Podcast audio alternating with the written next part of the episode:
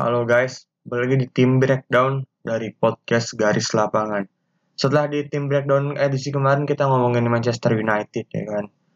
Kita sebelumnya udah ngebahas Barcelona dari Liga Spanyol, Manchester United dari Liga Inggris. Nah sekarang kita ke Liga Italia. Kita bakal ngebahas Inter Milan nih.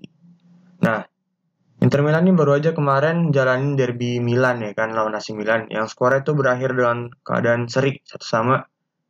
Padahal di pertandingan itu Inter punya kesempatan buat menang dengan skor 2-1 lah seenggaknya lewat titik penalti dari Lautaro Martinez yang sayangnya gagal karena ditepis sama kiper AC Milan yaitu Tata Rusanu nih.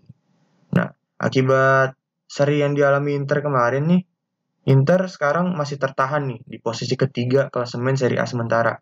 Walaupun baru kalah sekali dari Lazio ya kan, yang kemarin sempat ada kejadian Felipe, uh, Luis Felipe yang meluk mantan rekan timnya Joaquin Korea yang sedang dipinjamkan ke Inter dan ngebuat Korea marah dan akhirnya Luis Felipe kartu merah dan nangis ya kan. Nah Inter tuh sebenarnya baru kalah sekali di pertandingan itu kan lawan Lazio, tapi di table dia peringkat tiga karena di atasnya masih ada AC Milan dan Napoli yang belum terkalahkan.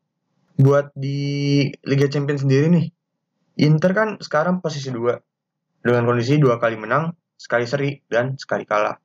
Nah menang ini dua-duanya lawan Sheriff, kalah sama, sama Real Madrid, dan seri lawan Shakhtar. Nah dari segi transfer sendiri kan mungkin dari pertama pelatih dulu deh. Kan Inter ganti pelatih kan. Musim lalu waktu zaman zaman waktu zaman zaman Inter dapet Scudetto pelatihnya kan Antonio Conte. Dan sekarang pelatih Inter adalah Simone Inzaghi nih yang musim lalu ngelatih Lazio dan cukup bagus di Lazio.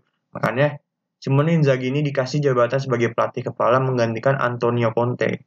Walaupun ya bebannya cukup berat ya kan, ekspektasinya pasti musim lalu kan juara, musim ini repeat lah seenggaknya kan. Tapi sayangnya di tangan Simone Inzaghi ini Inter menjual dua pemain bisa bilang dua pemain utamanya kan di Hakimi dan juga Lukaku. Hakimi dijual ke PSG dengan harga 60 juta euro dan Lukaku yang dijual ke Chelsea dengan harga yang sangat mahal dan mungkin ini bisnis transfer yang sangat baik ya buat Inter sendiri tuh. Karena Lukaku berhasil dijual dengan harga 115 juta euro. Dan untuk penggantinya sendiri nih dari sisi bek kanan yang gantiin Hakimi ada Denzel Dumfries yang dibeli dari PSV dengan harga yang cukup murah dan cuma 20, 12 juta euro. Dan untuk yang gantiin Romelu Lukaku di striker depan Edin Zeko nih yang free transfer dari AS Roma. Dan Edin Zeko sendiri di Inter lumayan gacor ya. Sementara Edin Zeko tuh jadi top scorer di Inter dengan 7 gol. Disusul sama Lautaro Martinez dengan 5 gol dan Joaquin Korea yang udah nyetak 4 gol. Pembelian lain dari Inter tuh bisa dibilang cukup berhasil adalah seorang Hakan Calhanoglu ya. Yang mungkin bisa dibilang ini Calhanoglu ini perannya bersama kayak Erikson yang kemarin waktu Euro sempet ada concussion kan. Ya eh kena jantung yang mungkin ngebuat dia ada kemungkinan bakal harus pensiun dini kan. Jadi Calhanoglu ini mungkin diplot untuk ngegantiin perannya si Erikson di Inter Milan ini. Tapi menariknya nih, Calhanoglu ini free transfer dari AC Milan yang bisa dibilang arch rivalnya dari si Inter ini. Tapi walaupun dibeli dari rivalnya, Hakan Calhanoglu ini tetap bermain dengan sepenuh hati ya buat Inter. Terbukti kemarin waktu dari Milan yang nyetak gol kan Calhanoglu, dia selebrasi di depan fans AC Milan. Bisa dibayangin, derby Milan dua-duanya kan rival, tapi ini ada satu mantan pemain yang selebrasi depan mantan supporternya. Wah itu bakal panas banget kan pasti. Nah mungkin gara-gara kejadian itu, penalti kedua Inter akhirnya dikasih ke Lautaro kan, yang akhirnya ya sayang banget nggak gol. Jadi pertandingan derby Milan kemarin tuh berakhir dengan skor satu sama.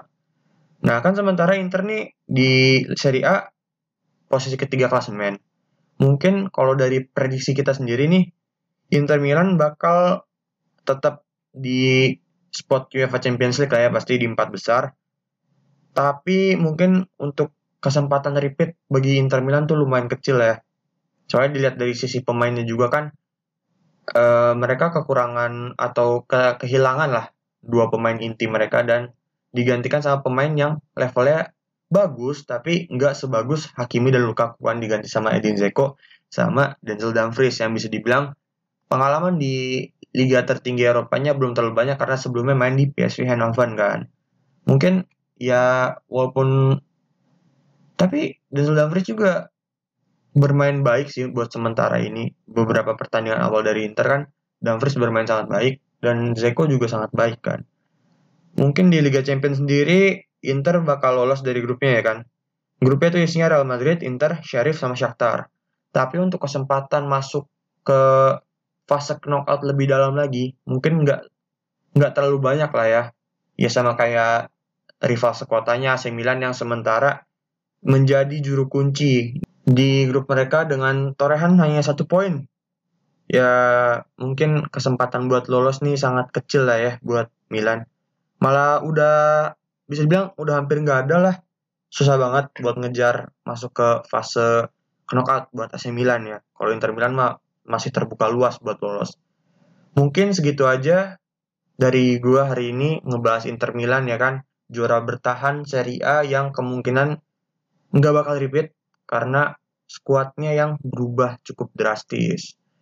Uh, jangan lupa dengerin selalu podcast kita di podcast garis lapangan ini. Jangan lupa di follow juga Spotify kita boleh juga cek Instagram kita di @garislapangan ID, ada di Instagram dan Twitter. Makasih yang buat udah dengerin. Ciao.